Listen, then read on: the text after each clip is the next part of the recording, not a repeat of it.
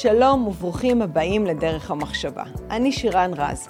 בכל פרק אני אראיין אנשים מרתקים ואני אעלה תכנים מגוונים ובעלי ערך שיעזרו לנו להבין איפה אנחנו חיים.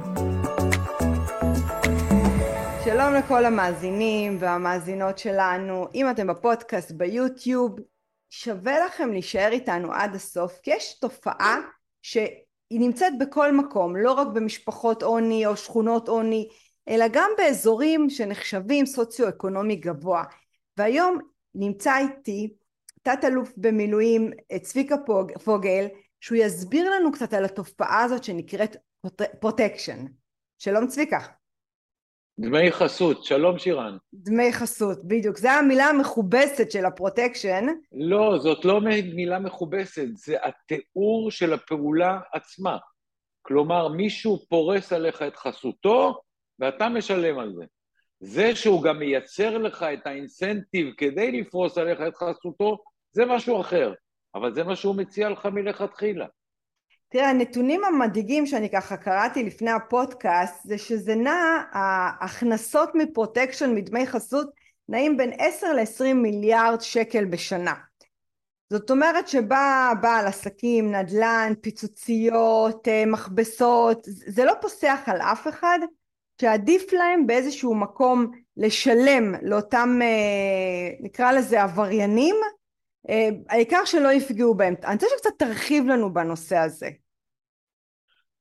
כן, כדי להרחיב את הנושא הזה אנחנו צריכים להבין מאיפה זה בא. זה א', לא המצאה שלנו, זה קיים במקומות רבים בעולם.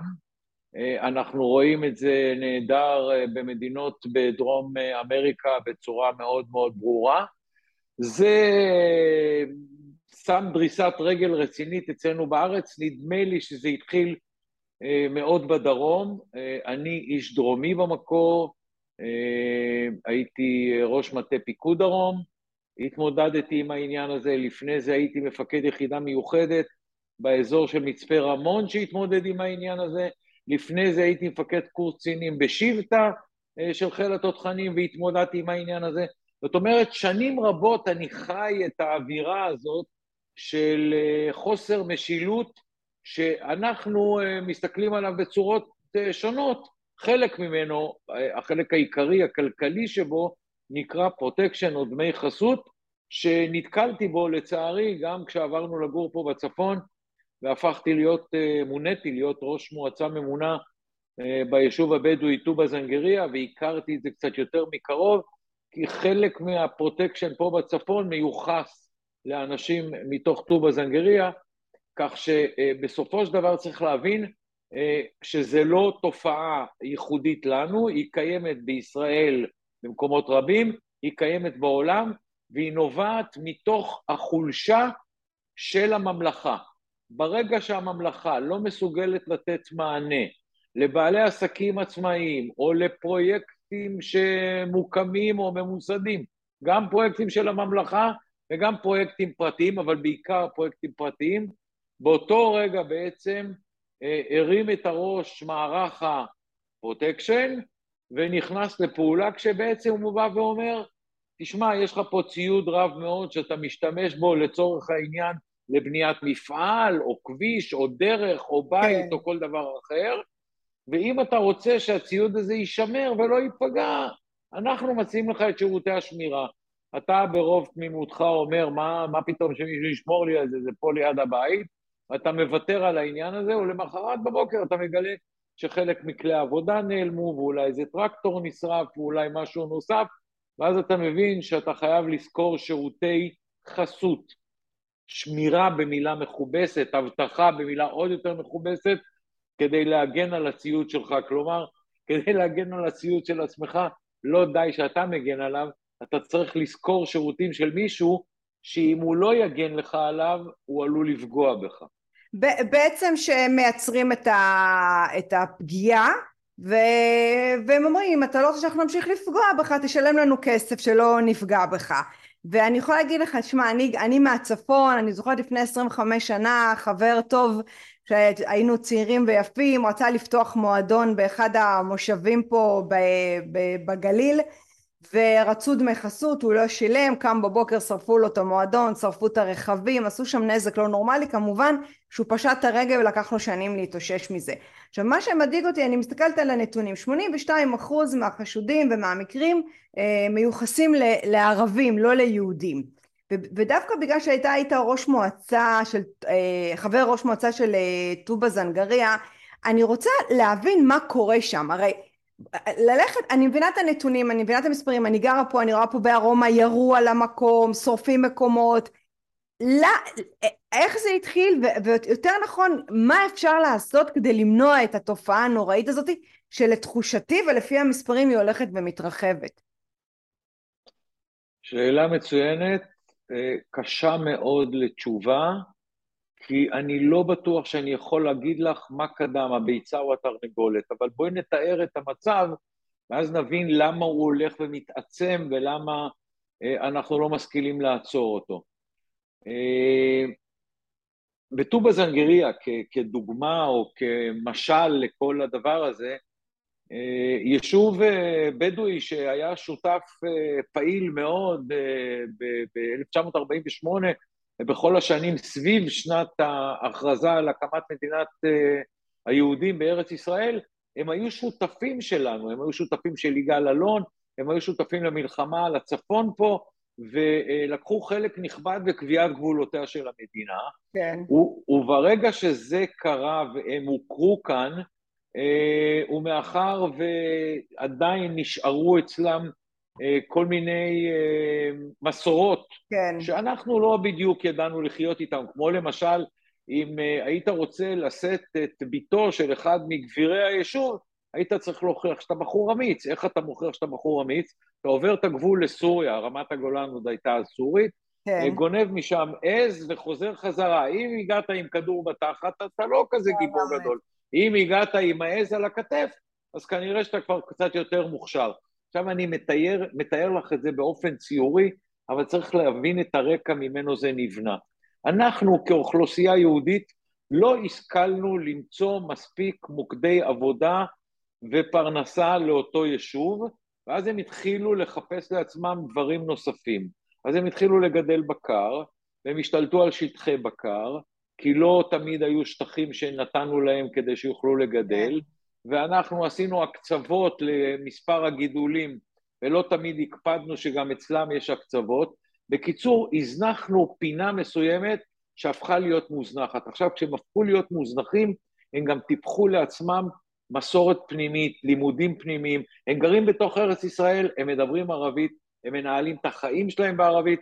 כשאני נכנסתי להיות ראש המועצה שם, אה, כולם במועצה דיברו ערבית, הם לא ניהלו ישיבות בעברית. כן. כשהם הלכו לדבר מול משרדי הממשלה, הם נאלצו לדבר בעברית. כן. וככה זה התפתח, וככל שזה התפתח יותר, הצעירים לא מצאו דרך להשתלב במרקם החיים הישראלי בכלל, הגלילי בפרט, כן. והתחילו לחפש מקומות אחרים שבהם הם יכולים להתפתח.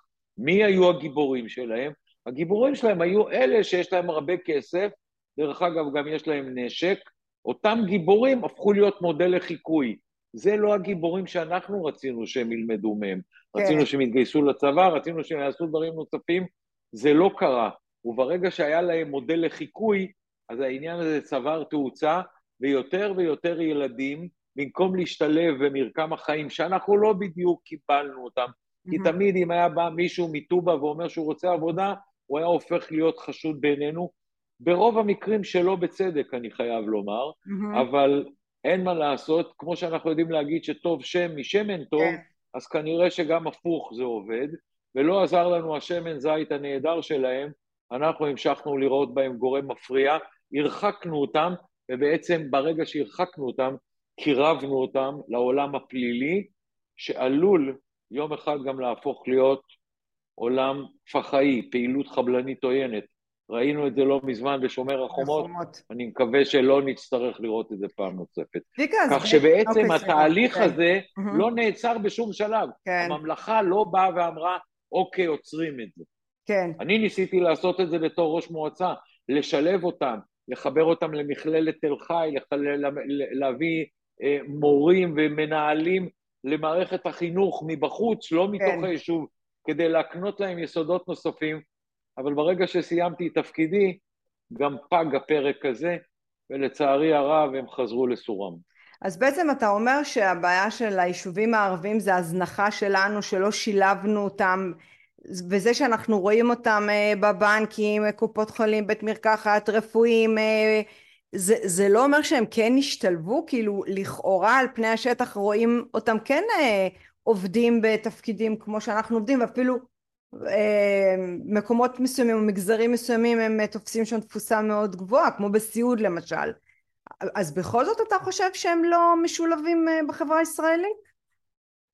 אני חושב שהם לא משולבים במערכת החינוך הישראלית. הבנתי. זה, אוקיי. זה, זאת אחת הבעיות העיקריות, אנחנו לא מצליחים לשלב אותם. אה, אתה מדבר על המערכת החינוך, ואז הם, אוקיי.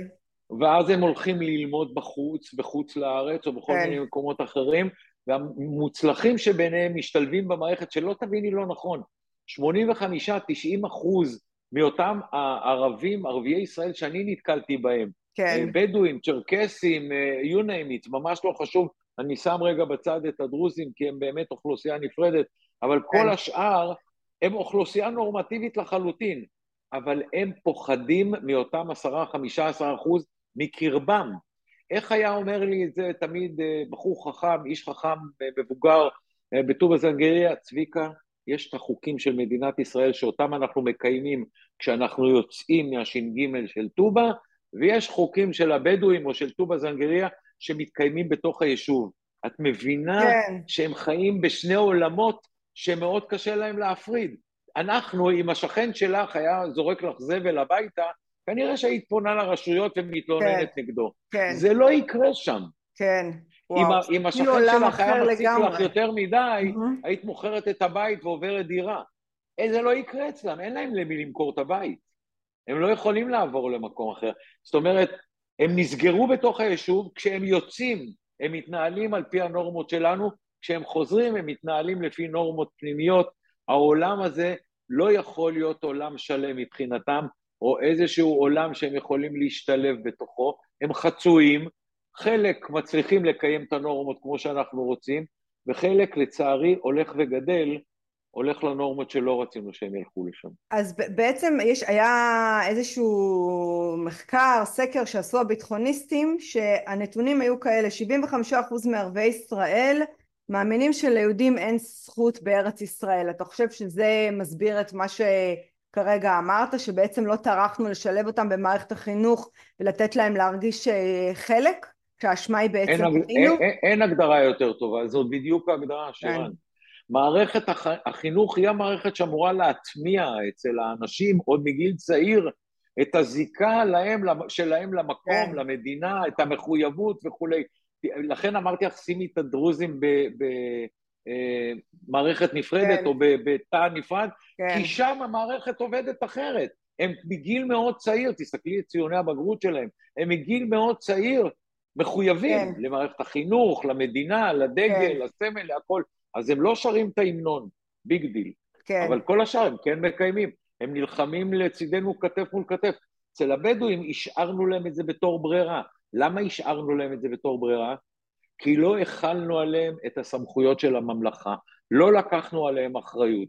אני כן. חושב שזה עוד בר תיקון, אבל כל איך, יום שעובר ואנחנו איך, לא איך, עושים צביקה, את זה... איך אנחנו יכולים לתקן את העובדה שיש נשק רב, שיש פשע, שיש פרוטקשן, שיש אה, חוסר שייכות אה, לעם, למדינה, לעם היהודי. תשמע, אנחנו מדברים פה על תופעה מאוד עמוקה ושורשית. איך אפשר היום לבוא ולשלב ולייצר את, ה- את החיים המשותפים ביחד איתם? כי, כי, כי אם אני, תכף תסביר לי גם, כי אתה גם הצטרפת למפלגה שנראה לי שהגישה שלה היא קצת שונה, אבל תכף נעשה את החיבורים. זאת אומרת, מחר בבוקר אתם נכנסים לכנסת, אתם מרכיבים חלק מהממשלה, כי אתה גם אה, אה, אה, מספר עשר במפלגת אה, עוצמה יהודית? מספר... מספר חמש בעוצמה יהודית, מספר עשר ברשימה המאוחדת של הציונות הדתית. מספר חמש בעוצמה יהודית. נאמר שמגיע הראשון לנובמבר ואתם מרכיבים את הממשלה, מה אתם עושים למחרת בבוקר עם התופעה הזאת? איכשהו בחרת היום לשאול את כל השאלות הקשות, שמרת את הכל להיום, הבנתי. כן, כן. שירן, לצערי הרב, אנחנו נמצאים במצב שבו רק בכוח נוכל לשנות את התמונת מצב. עכשיו אני אגלה לך סוד, אל תגלי אותו לאף אחד. לא מגלה. רוב, התוש... רוב התושבים הערבים באותם יישובים מחכים לרגע הזה. שאנחנו ניכנס לשם בכוחות אמיתיים ונוציא את הנשק הבלתי חוקי ונאסור או נגרש או כל אחד בפי שיטתו את האנשים שאוחזים בנשק הלא חוקי, באלה שלא מאמינים, מאמינים בזכות קיומה של מדינת ישראל כמדינה של היהודים, ביום שבו נתחיל לעשות את זה. ומצד שני, נשקיע במערכת החינוך שלהם. שוב פעם, במערכת החינוך שלהם. זה ייקח הרבה שנים, זה לא רבע שעה. כן. זה לא זבנג וגמרנו, זאת כן. עבודה מאוד ארוכה. יש סיכוי שאותם ילדים, שאנחנו עכשיו ניקח אותם בחטיבה התחתונה או בחטיבת ביניים או בחטיבה העליונה, ממש לא חשוב. כן. אם אנחנו ניקח אותם ונכניס אותם לעניין הזה, ונחייב אותם להתגייס, לא נשאיר להם את זה כברירה, או להתגייס או שירות לאומי או כל דבר אחר, אבל איזושהי מחויבות למדינה, אל תשאירו את ההמנון, אבל תכבדו את הדגל, ובדיוק כשם שאני מכבד את החגים, כן. סליחה, את החגים שלכם, תכבדו את החגים שלנו, נייצר איזשהו מאגר משותף של עניין לאומי. כן. משהו שבאמת בסופו של דבר יוצר סיבה לחיות ביחד. היום אין להם סיבה לחיות ביחד, היום הם רואים את עצמם אאוטסיידרים. אני רוצה לייצר את זה. איך אני מייצר את זה? יוצר להם שגרת חיים נורמלית בזה שאני מוציא את הנשק ואת כל הפליליסטים האלה נשק? שיום אחד... איך מוציאים נשק? נהדר. אנחנו מקימים במשהו שאני פועל על דר... עליו, דרך אגב, כבר למעלה מ-20 שנה. Mm-hmm. כשהייתי ראש מטה פיקוד דרום, הכנתי עבודה אז יחד עם פיקוד העורף להקמת אה, משמר לאומי במדינת ישראל, שהרעיון הוא להקים כוח צבאי שיש לו גם סמכות שיטור, יש כזה כוח דרך אגב במדינת ישראל, קוראים לו מג"ב, mm-hmm. גם שוטרים וגם לוחמים, שיודעים להיכנס לכל יישוב כזה שחשוד בזה שיש בו נשק בלתי חוקי, זה לא חייב להיות כל היישובים, זה לא חייב כן. להיות כל הבתים, אבל יש לנו מידע לא רע על העניין הזה, להיכנס פנימה ולהוציא את הנשק הזה, מי שמחזיק בו גם ילך למאסר, מי שירצה להשתמש בו דמו בראשו, אולי אפילו גירוש מהמדינה, איראן תהיה מוכנה לקלוט אותם, אני בטוח, גם סוריה בתנאים מסוימים, אבל אנחנו ננקה את הרוע והאכזריות הזאת מתוכנו ונשאיר פה אה, אה, אוכלוסייה שיש לה עניין להשתלב, יש לה רצון. תגידי, את חושבת שיש איזה אבא בטובא זנגריה או אימא בטובא זנגריה שלא רוצה שהילד שלה תלמד במכללת תל חי או באוניברסיטת חיפה? בוודאי שהם רוצים, אבל כשאין להם את הכלים הבסיסיים לעשות את זה, הם לא יצליחו, ולכן אנחנו נבוא וניתן את הכלים הבסיסיים. כי uh, כשאני הייתי ראש המועצה בטובא זנגריה, הבאנו לשם מיליונים, מיליונים, עשרות מיליונים uh, uh, לשיפור התשתיות, לגני ילדים חדשים, לבתי ספר, למוסדות, לבית uh, גיל הזהב, למדרכות, לתאורה, למסלולי אופניים, למה כן. רוצה. ומה קרה עם זה? כמו כל יישוב יהודי אחר. מה קרה לא עם זה? לא קרה עם זה כלום, כי בסוף המערכת שהייתה אמורה לסגור את המעגל הזה, מערכת החינוך, לא טופלה. כן. לא נמשך שם הטיפול. ברגע שהלכתי הכל חזר למקומו, וחבל. יש שם ילדים מוכשרים בדיוק כמו אצלנו. צביקה, אבל אני, אני, אתה יודע, אני מסתובבת באוניברסיטאות, אני רואה מה קורה, יש המון מהמגזר הערבי שלומדים לימודים אקדמיים גבוהים, אז אתה בעצם מבודד אותם מטובא זנגריה, או שאתה עדיין, אני יודעת ששאלתי את השאלה הזאת, אבל חשוב לי כן לחדד אותה, זו תופעה שנכונה לכל היישובים הערביים, או שזה רק, רק לטובא זנגריה, העניין הזה של החינוך? העניין הזה של החינוך אה, בעיקר פוגע ביישובים אה, הבדואים בפריפריה. בנגב ואצלנו בצפון. זה טובא, זה גם חלק מהאזור של אה, בית זרזיר והקבוצה שם, שזאת אוכלוסייה בדואית, חלקם שייכים לאותה משפחה ידועה, משפחת אלאב, mm-hmm. שחלקה העיקרי קיים בטובא זנגריה. כל הדבר הזה, כל הקבוצה הזאת מאוד מאוד מוזנחת, היא גוררת אחריה דברים נוספים, תופעות כן. נוספות. אה, לא כל תושבי אה, כפר כנא לומדים באוניברסיטה בחיפה. כן. יש כאלה שנסעו ללמוד בחוץ לארץ, יש כאלה שלא לומדים בכלל, יש כאלה שנגררו למאגר הפשע. אבל אנחנו באוכלוסייה הערבית בכלל לא הקפדנו להיכנס ולהטביע את חותמנו, ואת החטא הזה עוד אפשר לתקן. הבנתי. את יודעת, שואלים אותי, שואלים אותי מדי פעם, צביקה, מה, אתה באמת רוצה לחזור לאותם יישובים שנטשנו בהתנתקות ברצועת עזה וביהודה ושומרון? אתה באמת רוצה לשלוט על אוכלוסייה של שני מיליון או שלושה מיליון פלסטינים? אחד הדברים שאני תמיד מציין, כי זאת גם העמדה של אותה מפלגה שהצטרפתי אליה, עוצמה יהודית, אני לא רוצה לנהל להם את החיים האזרחיים, אבל אני רוצה לוודא שהילדים שלהם בבתי הספר לא מחונכים שאני נולדתי חזיר ושצריך להרוג אותי. אני רוצה להקנות להם מערכת חינוך אחרת, שתעזור להם להשתלב בעולם הגלובלי שבאמת אנחנו נמצאים בתוכו ונוטלים בו חלק מאוד חשוב, הם יכולים להיות חלק מזה. זה מה שנכון לעשות, לשם אנחנו צריכים ללכת. לא לבודד אותם, לא להרחיק אותם, אלא באמת באיזושהי צורה לגרום להם להרגיש שייכים. הם לא חייבים לבוא לגור בתוך היישובים שלהם. אתה מדבר על יהודה ושומרון? אתה מדבר על היישובים הפלסטינים ביהודה ושומרון? אני מדבר על... דיברנו עכשיו על ערבים. כן. אז בואי, אני לא רוצה לנתק את כן. זה, כי יש לזה השפעה. כן. תראי, היום, היום בקו שבין דרום הר חברון mm-hmm. לרצועת עזה, מתחת לבאר שבע, יש שרשרת שלמה של יישובים, חלקם בלתי חוקיים, בלתי מוכרים, מה שנקרא כן. היישובים הבלתי מוכרים, שחלקם עכשיו קיבלו חיבור לחשמל בחסותה של איילת שקד, נכון. מעשה שלא הייתי עושה אותו, כן. אבל לא על זה התכנסנו. Mm-hmm. בתוך המערכת הזאת, את יודעת כמה נשים פלסטיניות יש? כמה? אלפים. Mm-hmm. זאת אומרת, נוסדה לנו פה עוד איזושהי רצועת מדינה שאני לא יודע עוד איך לקרוא לה ולאן לה, לשייך ל, אותה. לשייך אותה, אבל היא הולכת ומוקמת שם. כן. זאת אומרת, כשמסתכלים על הדבר, אי אפשר להסתכל רק על ערביי ישראל. צריך להסתכל על התמונה הכוללת, כי יש השפעות מיהודה ושומרון גם אצלנו. ולכן, מי שרוצה באמת לתת מענה, חייב להיות, לראות uh, uh, תמונה כוללת. מה הבסיס לתמונה הכוללת הזאת?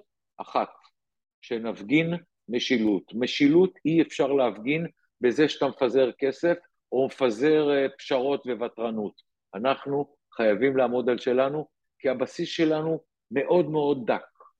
את זוכרת כן. מה הוא? כ"ט בנובמבר 47? זוכרת. מדינת ישראל ניתנה לעם היהודי. יהודי. מי שלא יסכים לזה, לא יכול לחיות לידינו. וזה בעצם גם החיבור שלך לאיתמר בן גביר? אני הרבה מאוד שנים עוסק בעניין הזה, הייתי חבר מועצת העיר באר שבע, הייתי איש צבא, הייתי ראש מועצה ממונה, אני בשלוש עשרה שנה האחרונות עוסק בנושאים אזרחיים, בעיקר בהצלת חיים כמפקד יחידת חילוץ גולן. אני מתעסק בפן האזרחי הזה הרבה מאוד. פרשן נהדר בהיבט שלי, בנוחות שלי, בכורסה נהדרת, ובשלב מסוים הבנתי שזה לא עוזר הפרשנות שלי והכתבות שאני עושה והמאמרים שאני כותב. בסופו של דבר, אם אני לא אהיה במקום שניתן להשפיע על זה באמת, אז כנראה שאני לא אצליח להביא את זה לידי ביטוי, וזה בדיוק מה שאני מתכוון ללכת לעשות, כי אני רוצה ארבעה דברים שאני מניח שכל אחד מהמאזינים או מהצופים שלנו יתחבר אליהם. אני רוצה מדינה יהודית, מדינה דמוקרטית, מדינה לאומית ומדינה ציונית. זה כל מה שאני רוצה פה, כדי לאפשר לילדים שלי ולנכדים שלי לגדול במדינה בטוחה, שבעוד שנים יילחמו כדי לשמור על השלום, ולא כדי להיות מוכנים לאויב שיבוא נגדם. תראה, אחד הדברים ש... כדי לקיים את זה, כדי כן. לקיים את זה, אני חייב להיות חזק, אני חייב להכריע את הצד השני. את השלום עם מצרים, את השלום הירדן והפסקת האש עם סוריה, השגנו בזכות היותנו חזקים, הכרענו אותם, והם הבינו שאנחנו פה עובדה קיימת. אם לא נייצר את זה, גם עם ערביי ישראל וגם עם הסביבה הפלסטינית, או איך שהם קוראים לעצמם, אנחנו נמשיך אה, לדבר גם בעוד שנים על ההזנחה הנוראית הזאת. אני רוצה לסיים בשאלה שהיא קצת יותר, אה, נקרא לזה אולי רגשית, תודעתית, פסיכולוגית. איך אתה מתמודד עם הביקורת וה... נקרא לזה ההאשמות או הדמות שיוצרים לאיתמר בן גביר? אני מניחה שתיארת על עצמך שאני אשאל את השאלה הזאת. מה שעשו ממנו בערב... כולם, כולם שואלים אותי, ואני חייב לגלות לך, אה, שירן, כן. שאני שאלתי את עצמי את השאלה הזאת, לא פחות ממה שאתם שואלים אותי. כן. יש לי הרבה מאוד שעות איתמר בחודשים האחרונים. עוד טרם אמרתי לו, אני מצטרף לעוצמה יהודית, למדנו להכיר אחד את השני. הרבה מאוד שעות של הסתכלתי לו בלבן של העיניים, בשביל להבין האם האיתמר שאני רואה מולי זה איתמר אמיתי, או האיתמר שהתקשורת מנסה לצייר, זה האיתמר האמיתי. ביום שהשתכנעתי שאני רואה מולי בן אדם בן 46 נשוי, אבא לשישה ילדים, ולא אותו ילד בן 17 עד 19 שעשה שטויות ונסחף אחרי מנהיגים שונים ומשונים, כמו ברוך גולדשטיין ו- כן. והרב כהנא, ואני מבין למה הוא נסחף אחריהם, או לפחות אני מנסה להבין, ואני רואה את השינוי שחל בו. היה לי מאוד קל להתחבר לאיש הזה, כי אנחנו באמת מדברים את אותה שפה אה, לאומית, ציונית, דמוקרטית, שאנחנו רוצים במדינת ישראל, כן. ולא שום דבר מעבר לזה. אז באו אליי ולחצו עליי ואמרו לי, תשמע, הוא גם לא התגייס לצבא, אתה תלוף כמוך, הולך אחרי מישהו שלא שירת בצבא. אז גם פה אני תמיד טורח לשים את הדברים על דיוקם. א', אני לא מכיר הרבה אנשים ששבתו רעב כדי להתגייס לצבא, הוא לא גויס בסוף, אבל הוא עשה את זה. דבר שני, אני כבר עשרים שנה אזרח. כן. לא קפצתי מהמדים ישר לפוליטיקה, כמו שעושים חלק מחבריי הרמטכ"לים, כן. ששלוש שנים אה, צינון וישר קופצים לפוליטיקה. פוליטיקה אזרחית זה לא צבא, נכון. זה לא מדהים, נכון. זה עולם עיסוקים אחר, וכשאני הבנתי את עולם העיסוקים הזה, הבנתי שאני צריך להתייחס לאיתמר כאל מנהיג, לא כאל בעל דרגות, ובאותו רגע עוד היה לי עוד יותר קל, וכשהכרתי את uh, עוצמה יהודית, הבנתי שזה יכול להיות בית ומשפחה, בהחלט ראויים גם לצביקה פוגל, אז הצטרפתי אליהם. צביקה, קודם כל תודה לך. החכמנו הרבה בעניין הכפרים הערביים והפרוטקשן וההצטרפות שלך לעוצמה יהודית. אה, אני מקווה שבאמת אם וכאשר אה, תצטרפו לממשלה אז באמת אה, תעשו את השינויים של המשילות שנראה לי שעל העניין הזה גם צד ימין במפה וגם צד שמאל של המפה מרגישים שדי ומישהו צריך. זאת איכות החיים שלנו, כן. שירן. כן, זה חלק מאיכות החיים שלנו, אני לא חושבת שיש מישהו במפה, על המפה הפוליטית, על קשת המפה הפוליטית שיחלוק בעניין הזה, אז אני מאחלת לך בהצלחה, ואנחנו גם שכנים, אז אולי ניפגש ב- על הדרך בארומה או באיזשהו מקום, ותמשיך לעשות עבודה טובה, צביקה. תודה על הזמן שלך. תודה. תודה על ההזדמנות, שנה טובה וגמר חתימה טובה לכולנו. ברור, גמר חתימה טובה. ביי צביקה. זה היה פרק נוסף של דרך המחשבה. כל הפרקים זמינים באפליקציות הפודקאסטים, בערוץ היוטיוב ובפייסבוק. אם עדיין לא הצטרפתם, זה הזמן.